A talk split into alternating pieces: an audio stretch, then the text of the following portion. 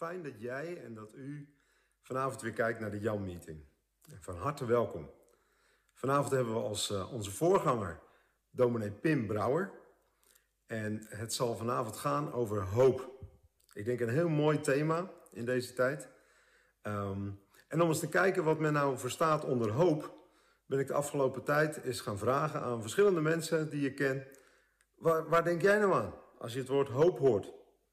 Nou, ik heb daar een klein filmpje van gemaakt. Laten we eens even kijken wat mensen nou hebben te zeggen over hoop. Als ik het woord uh, hoop hoor, dan denk ik dat er na een mindere periode weer iets heel goeds gaat komen. Iets waar je naar uit kan kijken.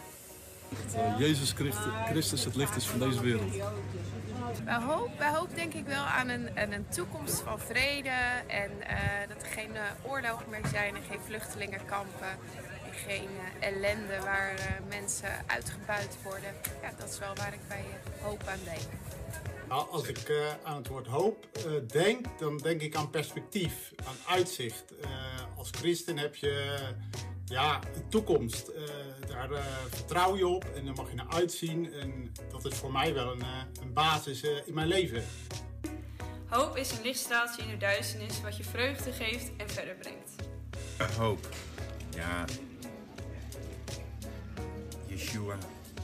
Jezus, Messias. Hoop. Komt altijd weer goed. Komt altijd weer goed. Zoals je ziet hebben mensen verschillende ideeën bij het woord hoop. Leuk om dat te zien. En vanavond zullen we nog veel meer hierover horen. Ook in de liederen die we gaan zingen met elkaar zal het over hoop gaan. En ook in de preek die we gaan horen van Pim zal het over hoop gaan. Hoop. Daar hebben we het over met elkaar. Maar wat is dat nou precies hoop?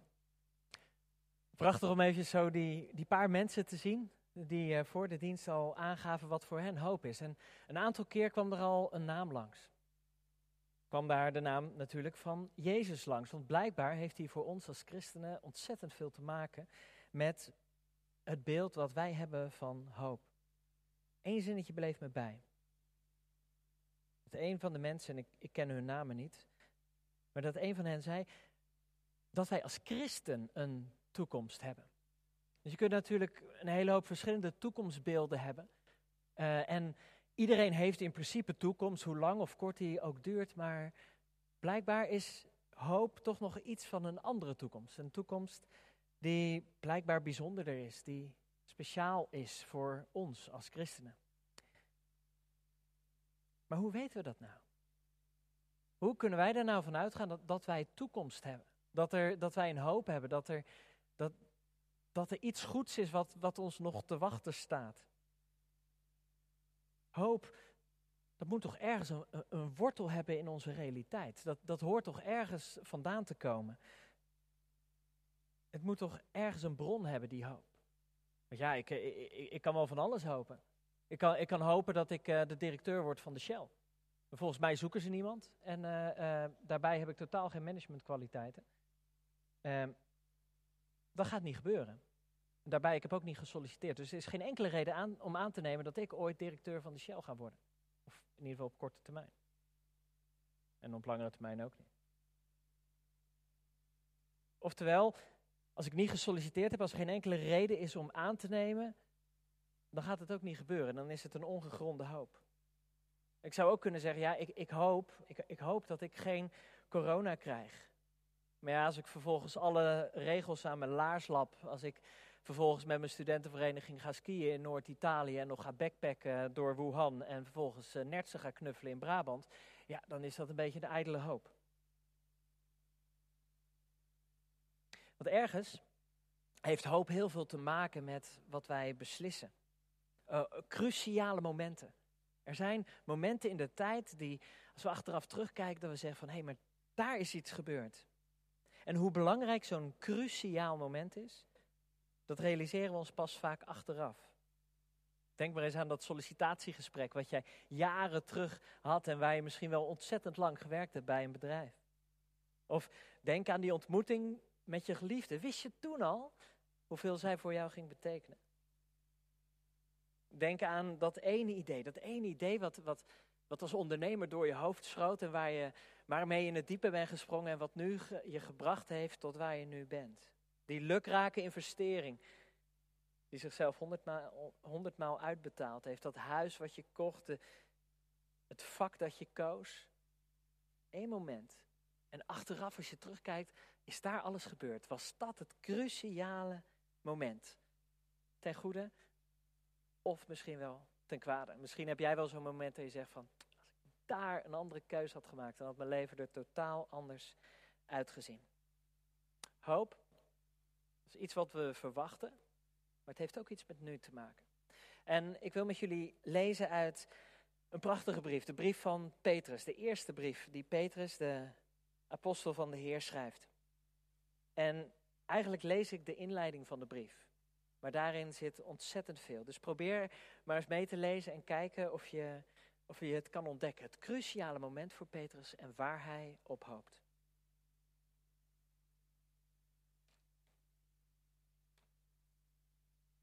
Voor ik ga lezen wil ik kort bidden. God, dit is uw woord. Laat het vanavond tot ons spreken op een manier die we zelf niet denkbaar achten. Op een manier die verder gaat dan wij durven hopen. Heer, waai door ons heen. Maak dat het geen oude woorden zijn zonder betekenis. Maar dat het woorden zijn van vandaag. Speciaal voor ons. Amen. De eerste brief van Petrus. En daarvan het eerste hoofdstuk en daarvan de eerste twaalf versen. Van Petrus, apostel van Jezus Christus aan de uitverkorenen die als vreemdelingen verspreid in Pontus, Galatië, Cappadocië, Azië en Bithynië verblijven. Door God de Vader voorbestemd om geheiligd door de Geest, gehoorzaam te zijn aan Jezus Christus en met zijn bloed besprenkeld te worden. Genade zij u en vrede in overvloed. Geprezen zij de God en Vader van onze Heer Jezus Christus. In zijn grote barmhartigheid heeft hij ons opnieuw geboren doen worden door de opstanding van Jezus Christus uit de dood, waardoor wij leven in hoop. Er wacht u, die door Gods kracht wordt beschermd omdat u gelooft in de hemel een onvergankelijke, ongerepte erfenis die nooit verwelkt. U ziet de redding tegemoet, die aan het eind van de tijd zeker geopenbaard gaat worden. Verheug je hierover, ook al moet u nu tot uw verdriet nog een korte tijd allerlei beproevingen verduren. Want zo kan de echtheid blijken van uw geloof. Zoveel kostbaarder dan vergankelijk goud, dat toch ook in het vuur wordt getoetst. En zo verwerft u lof en eer en roem wanneer Jezus Christus zich zal openbaren. Want u hebt hem lief, zonder hem ooit gezien te hebben. En zonder hem nu te zien, gelooft u in hem en ervaart u een onuitsprekelijke hemelse vreugde, omdat u het einddoel van uw geloof bereikt, uw redding. Wat die redding inhoudt, trachten de profeten te achterhalen toen ze profeteerden over de genade die u ten deel zou vallen. Zij probeerden vast te stellen op welke tijd en op welke omstandigheden Christus geest die in hem werkzaam was doelde. Toen deze hun zei dat Christus zou lijden en daarna Gods luister zou delen. Er werd hun geopenbaard dat deze boodschap niet voor henzelf bestemd was, maar voor u. En nu is deze boodschap u verkondigd door hen die het evangelie hebben gebracht, gedreven door de Heilige Geest, die vanuit de hemel werd gezonden. Het zijn geheimen waarin zelfs engelen graag zouden doordringen. Dit is het woord van God. Geheimen waar zelfs engelen mogen doordringen. Als ik aan uh, zo'n belangrijk moment moet denken in mijn eigen leven, dan denk ik direct aan die ontmoeting die ik had met mijn vrouw. Toen ik haar voor het eerst zag. Zij had mij blijkbaar al een keer gezien, maar ik zag haar voor het eerst. Nou ja, eigenlijk niet. Ik had haar al een paar keer in de trein zien zitten. Zij was dat mooie meisje wat ook in Vorden altijd uitstapte toen ik daar opgroeide. En zij woonde nog niet zo lang in Vorden. Zij kwam uit wat wij in het oosten van het land, de Achterhoek, het westen noemden, maar wat achteraf het midden bleek te zijn. Ze kwam uit Zeist. En zij was voor mij dat onbekende mooie meisje. En op een gegeven moment sta ik gewoon mijn, mijn fietsslot open te doen bij het station. En hoor ik ineens achter me, hé, hey, jij bent toch Pim? En ik draai me om en Daar staat zij. Mijn toekomstige vrouw stond daar, kende mijn naam, riep me en zei zelfs dat ik haar nummer mocht hebben. En ik kreeg haar nummer, want dan zouden we een keer af kunnen spreken, omdat ik eh, ook in de kerk zat en zij ook van de kerk was, dus dat was handig. En dat nummer heb ik in mijn zak gestoken. Wat denken jullie? Heb ik direct gebeld?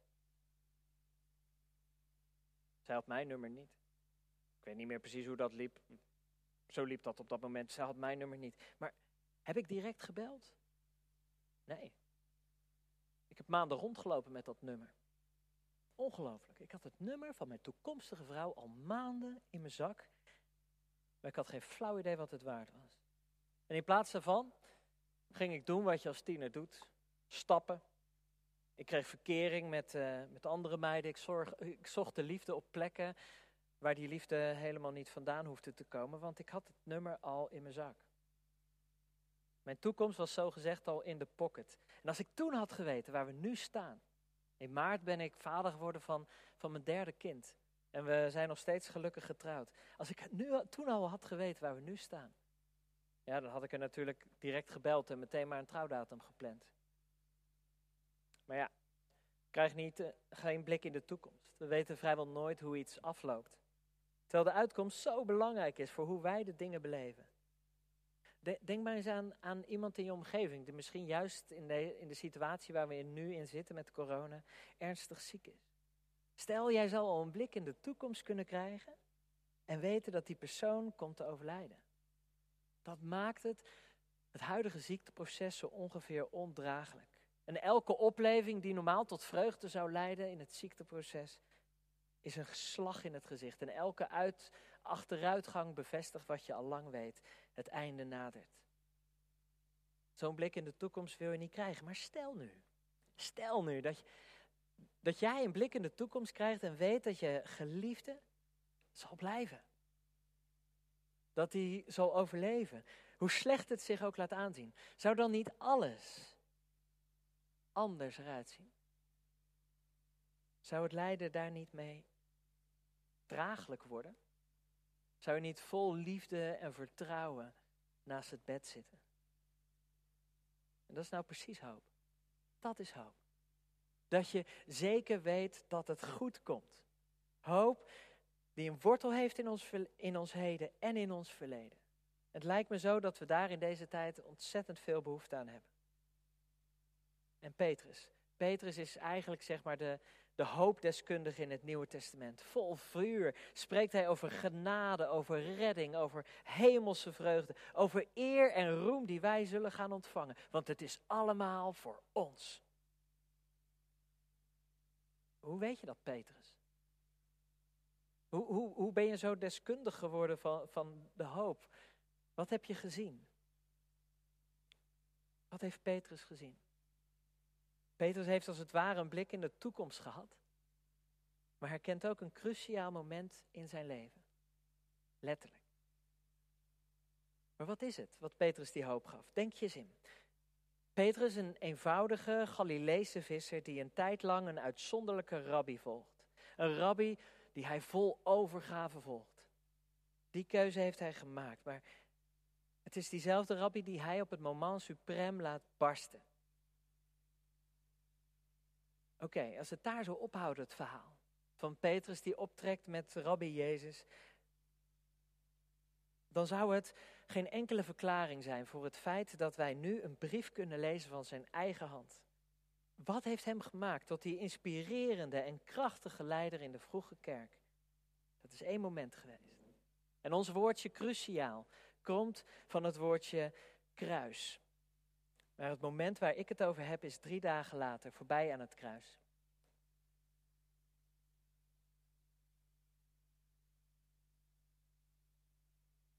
Drie dagen later, bij Pasen. Want daar veranderde een dieptreurige, verbijsterde volgeling van een vermoorde rabbi in een geestvervulde herder. De visser werd een visser van mensen. Dat is het moment. Dat is het moment waarop Petrus al zijn hoop baseert.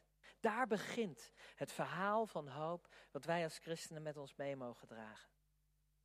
Het stuk wat we lazen is zijn inleiding. En hier probeert hij het te vatten, dat ontzagwekkende geheim.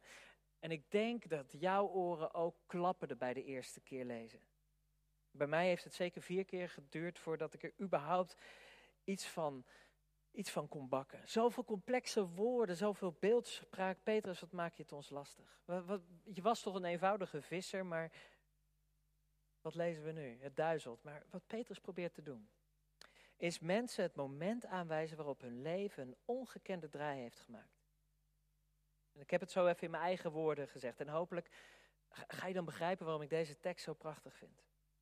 Petrus zegt, er is iets gebeurd. Er is iets gebeurd met jou. God heeft zo iets wonderlijks gedaan in jou dat je wereld totaal veranderd is. Alles waarvan jij dacht dat je het bij je hoorde, je taal, je woonplaats, je afkomst, je naam, het maakt geen klap meer uit. Zo erg zijn jullie veranderd. Jullie zijn als vreemdelingen geworden. Vreemdelingen hier op aarde. En dat heeft alles met één gebeurtenis te maken. Jezus, die God niet alleen God noemde, maar ook Vader, is opgestaan. En wat heeft dat met jou te maken? Op het eerste gezicht misschien niet. Maar vergis je niet, want Jezus' opstanding is geen rariteit in een wereld die hetzelfde blijft. Nee, sinds dat Jezus is opgestaan, is er iets nieuws begonnen. Een nieuwe schepping, een nieuwe Adam. En jij kunt deel uitmaken van die schepping. Hoe? Laat God je vader zijn. Laat Hem je leven bepalen. Draag Zijn naam en als je Zijn kind wordt, heb je recht op de erfenis. De nieuwe wereld waarin jij en ik niet meer doodgaan, niet meer ziek worden. Als wij in God gaan geloven, dan, dan, dan erven wij het land waar corona geen toekomst krijgt. Dat is onze toekomst. Maar ja, op dit moment kan het lijken alsof je daar geen klap aan hebt. Want er gaan nog steeds mensen dood. En er worden nog steeds mensen ziek. En misschien wel mensen van wie jij heel veel houdt. En wij doen elkaar nog steeds pijn. Maar weet je, de meest waardevolle dingen van het leven, die zijn alleen bereikbaar door pijn heen. Denk maar eens aan goud. Hoe, hoe, hoe kun je goud mooi en puur krijgen? Door het in de brand te steken. Door het gigantisch te verhitten. Door het vuur heen. Het kan niet anders. Jullie hebben nu nog pijn. Maar dat wat jullie gekregen hebben, door die pijn heen, wat jullie zullen krijgen, is een erfenis waarop je mag vertrouwen. En je mag erop vertrouwen dat het oneindig veel waardevoller is dan die ruwe erts die jij nu bent. Het is niet gek dat jij soms door pijn heen moet. Maar zoals er bij het verhitten van goud iets prachtigs kan ontstaan, zo blij zullen jullie ook zijn met jullie toekomst. Zoals hitte zacht goud verlost uit ruwe steen, zo zullen jullie levens ook bevrijd worden. Denk daar niet te licht over. Denk niet dat de opstanding zomaar iets is wat je wel of niet kan geloven. Eén van de verhalen in het Nieuwe Testament. Nee, het is de kern van alles. Het draait hierom. Alle woorden van de profeten, alle verhalen van de Bijbel vinden hun doel op dat moment. En het doel van dat moment, dat ben jij. Dat ben jij. Alles wat van Adam tot Jezus gebeurd is, zegt Petrus. Alles vindt zijn brandpunt in wat jou is overkomen. Het had geen ander doel dan jou te bevrijden uit hetgeen waarin jij verstrikt zit. Sterker nog, jij hebt van God zoiets onbeschrijfelijk moois gekregen. Dat engelen in de rij staan om maar een klein stukje, een glimpje ervan op te kunnen vangen. Opstanding. Heb jij er ooit zo over gedacht? Is het voor jou ooit een, een kosmisch geheim geweest, wat, wat niet alleen Jezus overkwam, maar wat jou ook is overkomen? Heb je opstanding ooit gezien als, hé, hey, ik ben ook opgestaan? Want dat is wat Petrus zegt. Petrus zegt in vers 3, jullie zijn daarmee zelf opgestaan tot een levende hoop. Wij zijn een levende hoop. Misschien vind je hoop moeilijk te vatten afstandelijk, abstract. Maar Petrus zegt, jij bent de hoop. Jij bent de enige manier hoe mensen iets van de hoop gaan, gebruiken, uh, gaan begrijpen. Jullie zijn een levende hoop. Denk eens na. Het enige wat Jezus Christus deed na zijn opstanding was zichzelf laten zien. Dat was genoeg. En wij worden daartoe geroepen door Hem. Tot hetzelfde. om ons te laten zien. Want dan wordt Gods grootheid zichtbaar. Laat zien hoe goed het leven met God is. Kom er zelf achter, alsjeblieft, hoe goed het leven met God is. En laat zien dat jij de dood niet langer vreest. Wees een lichtstraal in de duisternis. Een aantal jaar terug, toen de oorlog in Irak en Syrië nog niet zo lang woedde en IS op zijn hoogtepunt was, was ik bij een lezing van bisschop Merkis uit Kirkuk. En bisschop Merkis werd gevraagd van, hoe, hoe kijkt u naar de toekomst? En weet je wat hij zei? Hij zei, a Christian cannot be pessimistic, because after the darkness of Holy Saturday, there's always Easter Sunday. Na het duister van Stille Zaterdag is er altijd een paasmorgen. Coronatijd. Genoeg lijden om ons heen. Dingen die moeilijk zijn en lastig zijn. En ik wil ze niet bagatelliseren. Maar focussen we daar niet te veel op. We maken een ongekende crisis mee en het is zo gemakkelijk om ons daar helemaal in het pessimisme mee te laten zuigen. Maar juist in dit, deze tijd mag ons verhaal klinken. Een verhaal wat verder gaat dan deze crisis. Want als er niets is voorbij deze crisis, dan wordt het lijden van vandaag ondraaglijk. Als het nergens toe leidt, dan is het ondraaglijk. Maar wij mogen iets blijven verkondigen. Dat er ook iets anders door de wereld gaat. De besmettelijke liefde van God, die begon op paasmorgen en die nog elke dag mensen aansteekt. Geen ziekte, maar genezing. Geen afstand, maar nabijheid. Geen verdriet, maar troost. Geen wanhoop, maar hoop. Bovenal hoop. De hoop dat niets voor niets zal zijn geweest. Dat al het lijden, al het vuur wat ons vandaag treft, in het niet zal vallen bij de geweldige toekomst. Het sieraad wat God van ons aan het maken is. Een toekomst die vandaag in jouw leven al kan aanbreken. Amen.